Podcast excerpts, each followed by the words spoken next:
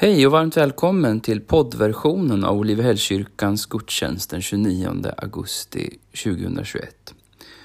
Du ska snart få höra en predikan utav mig, Simon Alander, som är pastor i församlingen. Men först skulle jag vilja läsa predikotexten som är hämtad ifrån första Johannesbrevet kapitel 4, verserna 7 till och med 10. Där står det så här. Mina kära, låt oss älska varandra, ty kärleken kommer från Gud, och den som älskar är född av Gud och känner Gud. Men den som inte älskar känner inte Gud, eftersom Gud är kärlek.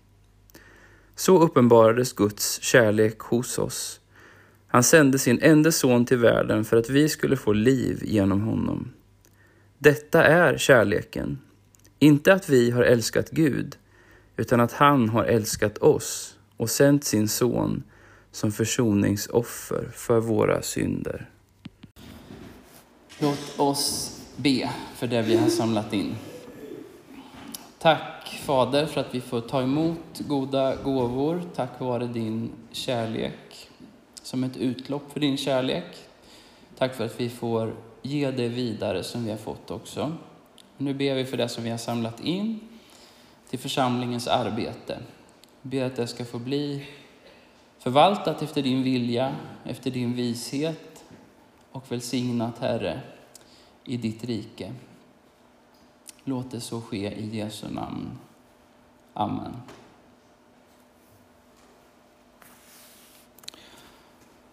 Ja, dagens tema i kyrkåret är medmänniskan.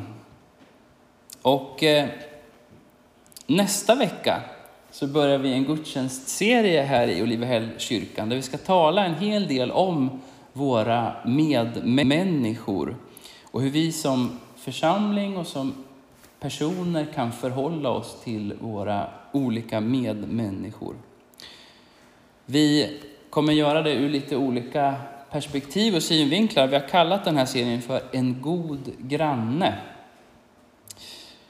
Och då kommer vi bland annat ta oss an liknelsen om den barmhärtiga Samarien och andra texter som handlar om mötet med den andre, som är ett stort och viktigt tema i Bibeln. Som en liten smygstart på det temat idag så skulle jag vilja vända strålkastarljuset från den andre till oss själva. Vi som ju också är medmänniskor. Och som jag nämnde i inledningen så vill jag göra det genom att tala om kärlek ett ögonblick. Och kärlek är ju ett svårt ord. Inte minst för att det är så svårt att definiera. Man kan säga att man har kärlek, det vill säga att man älskar och menar lite olika saker. Man kan säga att man älskar sin familj. Man kan också säga att man älskar kanelbullar. Men man menar samma sak när man säger det. Då har man antingen en ganska osunt stark relation till kanelbullar eller en ganska platt relation till sin familj. Och oftast så är det ju så att vi kan använda ordet älska eller kärlek, men mena väldigt olika saker. När man talar om kärleken i bestämd form idag så har jag en känsla av att det ofta handlar om parrelationer. Att man har hittat kärleken eller att man söker efter kärleken och då är det ofta i form av en människa då som man vill dela sitt liv med. Men vad i all världen menar Jesus eller Bibelns författare när de talar om kärlek? Vi läste ett stycke om Guds kärlek ifrån första Johannesbrevet. Och det finns tre stycken Johannesbrev i Nya Testamentet. Om man läser dem så slås man av att de låter ganska lik Jesu undervisning i Johannes evangeliet. Särskilt det här sista långa talet som Jesus håller på skärtorsdagen till sina lärjungar. Och det där har fått folk att fundera på vem den Johannes som skrivit breven är. Och de här som forskar om Bibeln, de är inte riktigt överens om vem det kan vara. Det finns olika teorier, men det är någon som åtminstone står i väldigt stark relation till den Johannes som skrev evangelierna. Som också har skrivit Uppenbarelseboken kanske då. Och den bästa teorin är att det är en kristen ledare som har ansvar för ett antal husförsamlingar då, som jag nämnde innan vi läste, som troligtvis finns runt Efesos. Och varför har han då skrivit det här brevet som egentligen kanske mer är en poetisk predikan än ett brev med hälsningar och ett tydligt ärende och sådär. När man läser första Johannesbrevet så anar man att det ligger någon form av konflikt i församlingen bakom det här brevet. Det är någonting som Johannes vill eh, uppmuntra och vägleda i som inte är bra. Och det verkar som att det har varit någon typ av splittring i den här församlingen. Man tycker olika och man till och med så verkar det vara att några har brutit sig ut och lämnat den här församlingen. Johannes skriver på ett ställe att eh, några som har utgått från oss men hörde aldrig till oss, ty om de hade hört till oss hade de stannat hos oss. Och problemet verkar vara eh, att den här gruppen som Johannes kallar för antikrister, de förnekar att Jesus är Kristus, att Jesus är Guds son. Alltså olika syn på vem Jesus är. Och Johannes skriver för att stärka de som är kvar i församlingen i deras tro och vägleda dem. Om vi bara pausar där för ett ögonblick, för en liten parentes, så säger väl bara detta faktum någonting om Guds kärlek och Guds hand i historien. Tänk att en konflikt, en splittring i Turkiet för 2000 år sedan något som liksom på pappret är så negativt kan Gud använda till något så positivt som att ge oss ett vittnesbörd om Guds kärlek som vi kan läsa här idag i Strängnäs 2000 år senare. Jag tycker det säger någonting om Guds förmåga att skapa någonting gott även ur det som vi splittrar och förstör. För något av det som Johannes vill utlägga är hur Gud har visat oss sin kärlek genom Jesus och hur vi, när vi blir föremål eller inser att vi är föremål för den kärleken, också kan ge den vidare till andra. Vi människor måste ju lära oss vad kärlek är. Som sagt, det finns inga tydliga definitioner av vad kärlek är.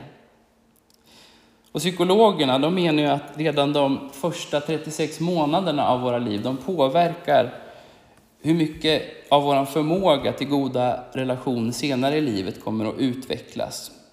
Om vi har haft en trygg tillvaro med mycket närhet de här månaderna, då kommer vi också kunna vara trygga och närvarande i relationen när vi blir vuxna. Ibland, eller oftast, så går det där bra. Ibland går det inte så bra och då blir det väldigt tragiskt.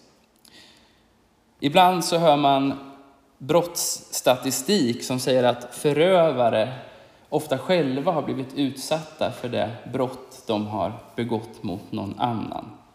Det verkar som att vi så att säga ger vidare det vi har fått. Att vi gör så som vi har lärt oss i väldigt stor utsträckning. Och jag tror att det även gäller kärlek.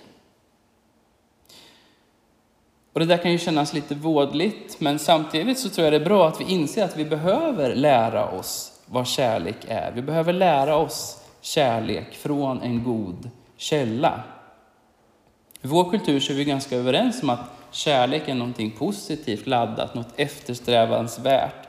Men som sagt så finns det liksom ingen tydlig målbild, ingen tydlig vägledning om vad kärlek är eller hur man ska visa kärlek. Vi är ganska utlämnade att själva som individer definiera det. Och då står vi plötsligt med en jättestor och svår uppgift i våra familjerelationer och vänskapsrelationer och ja, hela samhället. och kanske inte minst i förhållande till oss själva. Vad är det att älska? Hur ska vi hitta kärleken? Men Bibeln säger ju, inte minst i det här stycket som vi läste idag, att vi inte behöver uppfinna kärleken själva. Det är Gud som är kärlekens upphovsman och den som vill lära oss vad kärlek är för någonting. Inte bara som en bra idé eller som en fascinerande teori som vi kan lära oss och fundera på. Utan han lär oss kärlek genom att älska oss och att dra oss in i sin kärlek. Så uppenbarades Guds kärlek hos oss. Han sände sin enda son till världen för att vi skulle få liv genom honom. Och detta är kärleken, inte att vi har älskat Gud, utan att han har älskat oss och sänt sin son som försoningsoffer för våra synder. Vi behöver alltså varken uppfinna kärleken eller på något sätt frammana den, eh, dra den till oss på olika sätt. Utan kärleken har redan skänkts oss. Den ligger utanför hjärtats dörr och bultar och väntar. Gud har redan visat kärlek som allra tydligast i den Jesus är och det Jesus gör. Så om vi eh, känner att vi behöver det här med kärlek, att det här med kärleken på något sätt lockar på oss, drar oss till sig, så måste vi börja med att få upptäcka att vi är älskade av Jesus. Och hur gör man det då? I Equmeniakyrkan så har vi ju en vision att vi vill vara en kyrka för hela livet där mötet med Jesus Kristus förvandlar dig, mig och världen. Vi gör det vi gör i det här samfundet därför att vi tror att mötet med Guds kärlek gör något med oss. Och det mest intressanta med kyrkan, inte bara kyrkan utan alla kyrkor, det är förstås Jesus. Om det är något annat som är det mest intressanta med en kyrka så kan man verkligen börja ana oråd. Det första sättet att lära sig älska är alltså att söka ett möte med Jesus. Och sådana verkar kunna se ut på väldigt många olika sätt. Vi skulle säkert kunna dela med varandra här och nu ja, så många sätt som vi är människor här inne som Gud kan presentera sig på eh, och beröra oss på. En del som berättar om det talar om eh, en särskild upplevelse av förvissning i sitt inre. En stilla känsla av frid, att Gud ser och älskar en. För en del präglas mötet av kamp och tårar, men till slut en förlossning, en eh, visshet om att man är älskad. Och för vissa så är det ett dramatiskt ingripande kanske, då man får erfara Guds hand i sitt liv genom ett bönesvar eller något sånt. Det finns många sätt. Men Guds kärlek är inte bara en känsla eller en upplevelse, utan det är också praktik. Kanske kan man säga att Guds kärlek är som ett ekosystem eller ett kretslopp där Gud visar oss vad kärlek är, men inte bara det, utan han drar oss in i den kärleken. Vi får ge vidare det vi har fått till andra och till Gud. Och så går det liksom runt, inte i ett slutet ekosystem, men i ett öppet och välkomnande kretslopp. Och den där kärleken som Gud drar oss in i, den har som sitt starkaste kännetecken och mönster det vi lär känna i Jesu liv och död och uppståndelse.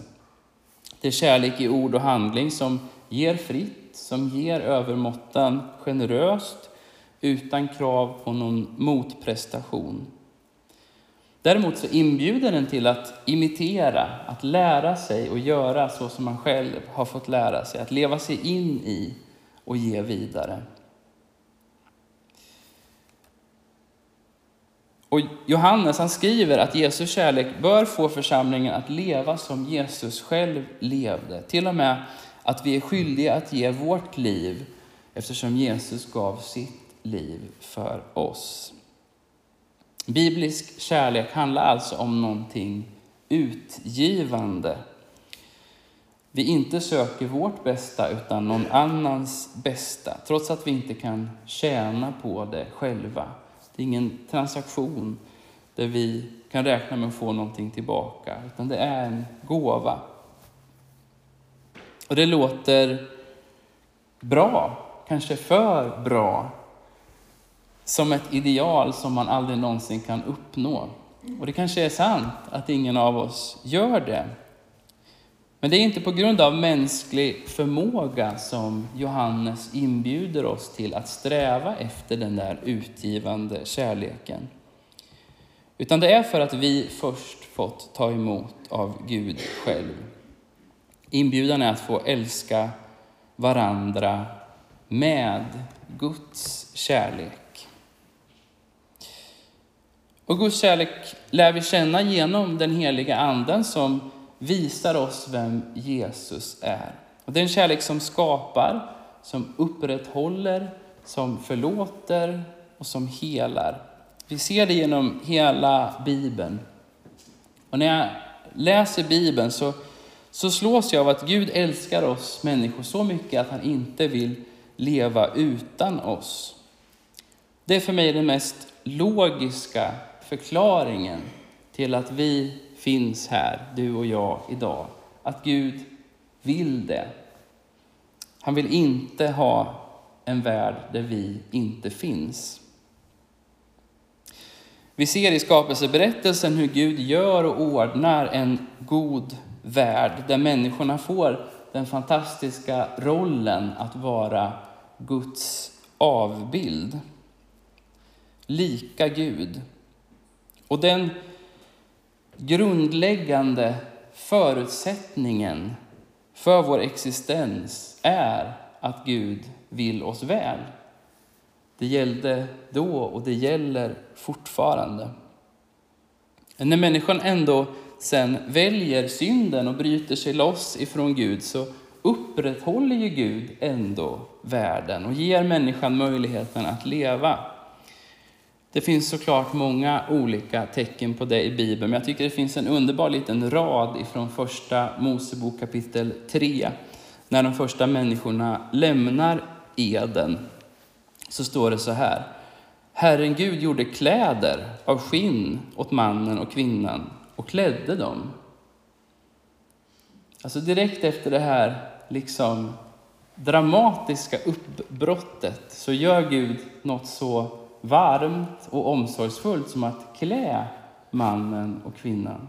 Det var inte hans intention att de skulle liksom skämmas för varandra med sin nakenhet. Men nu när de gjorde det så ger han dem kläder.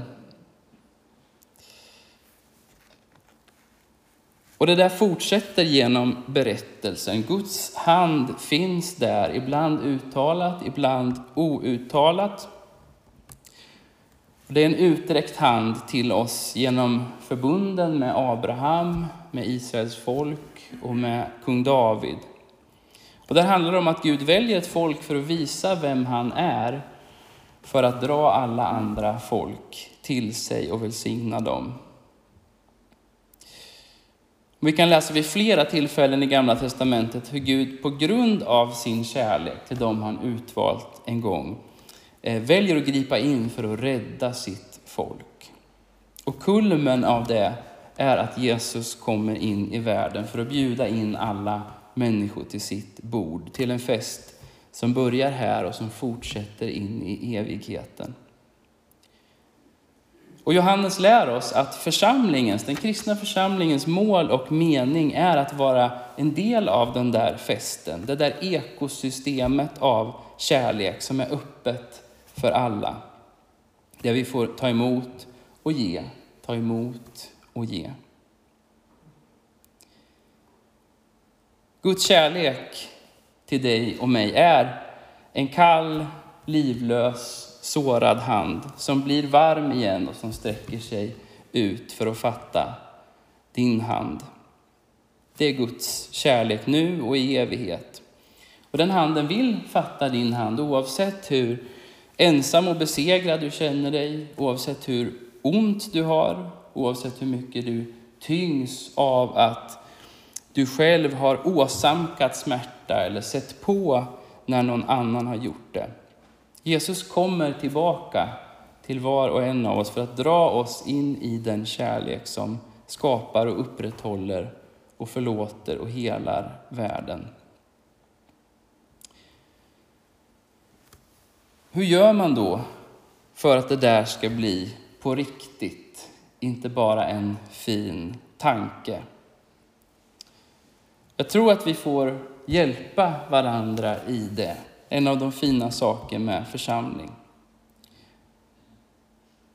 Om jag skulle dela några bitar av pusslet som har hjälpt mig så är det att leva med Bibeln och bönen. Inget kontroversiellt, inget nytt. Men att få se på sig själv och sitt liv utifrån en bibeltext som man läser i bön, att få lyssna efter Guds hälsning i det, det är för mig ett svårslaget sätt att söka Guds omfamning och omtanke. Så om jag skulle utmana dig till någonting idag så är det att i eftermiddag sätta dig ner med en bibeltext och kanske ett papper och en penna. Välj en text som handlar om Guds kärlek, kanske den här, kanske liknelsen om den förlorade sonen eller någon text som betyder mycket för dig. Läs texten, fråga Gud vad hans hälsning till dig är idag. Och om du har tid kan du titta bakåt för att söka efter den där kärleken. Skriv ner vad som har hänt i ditt liv, vart du har sett Guds kärlek, vart du har sett tecknen på Guds hand. De flesta brukar hitta punkter där man ser att jo, men där var ju Gud faktiskt med. Där såg jag Guds kärlek. Eller så kan du söka Guds kärlek i stunden. Var finns den just nu i mitt liv?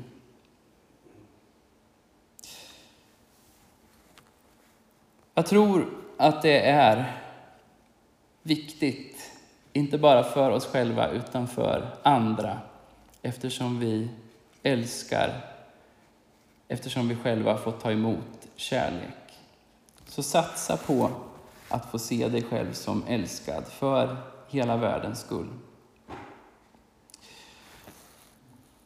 Jag tänker att vi ska be en bön tillsammans nu. Om du vill sluta ögonen och vända dig mot Gud i ditt hjärta och be honom att visa sin kärlek, så följ gärna med mig i den bönen. Om du vill öppna dina händer som en symbol för att du vill öppna dig mot Gud, så får du gärna göra det.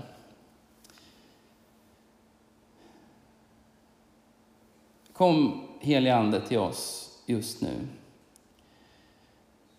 Tack för din stora kärlek till oss. Tack för att vi får samlas här idag som församling inför dig en vanlig söndag förmiddag. Vi har ingen särskild kunskap, vi har ingen särskild förmåga, vi har inga påser just nu inför dig eller inför någon annan. Vi har ingen andlig doping, inga specialeffekter. Vi ber Herre att du ska komma just nu och påminna oss om din kärlek till oss. Tack för att du ser och känner varje hjärta. Tack för att du har gjort goda saker i våra liv.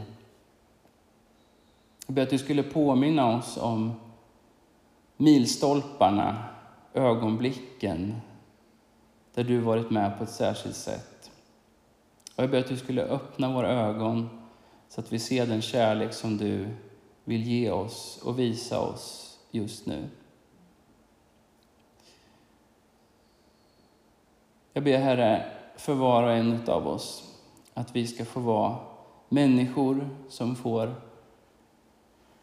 gå runt i den här världen, i all den här världens brustenhet. Och agera och tänka och tro och hoppas utifrån övertygelsen om att i centrum för allt det här, i centrum för våra liv och för världen så finns du. Så finns en älskande Gud.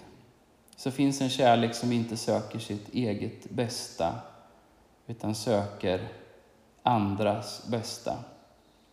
Jag ber att du ska ge oss modet att gå i den kärleken.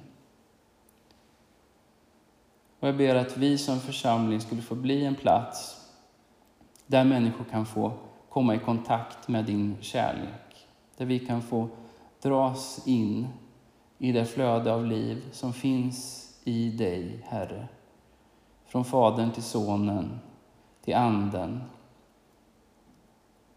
Och där vi också får vara med. Så kom helige Ande och rör vid våra hjärtan just nu.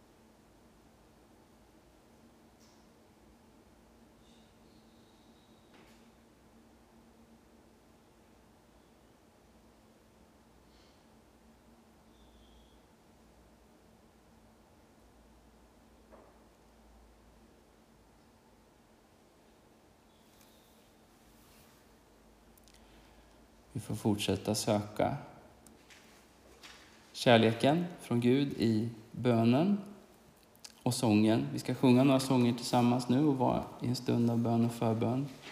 Sitt kvar där du är om du vill och behöver eller rör dig fram till ljusträdet om du så önskar.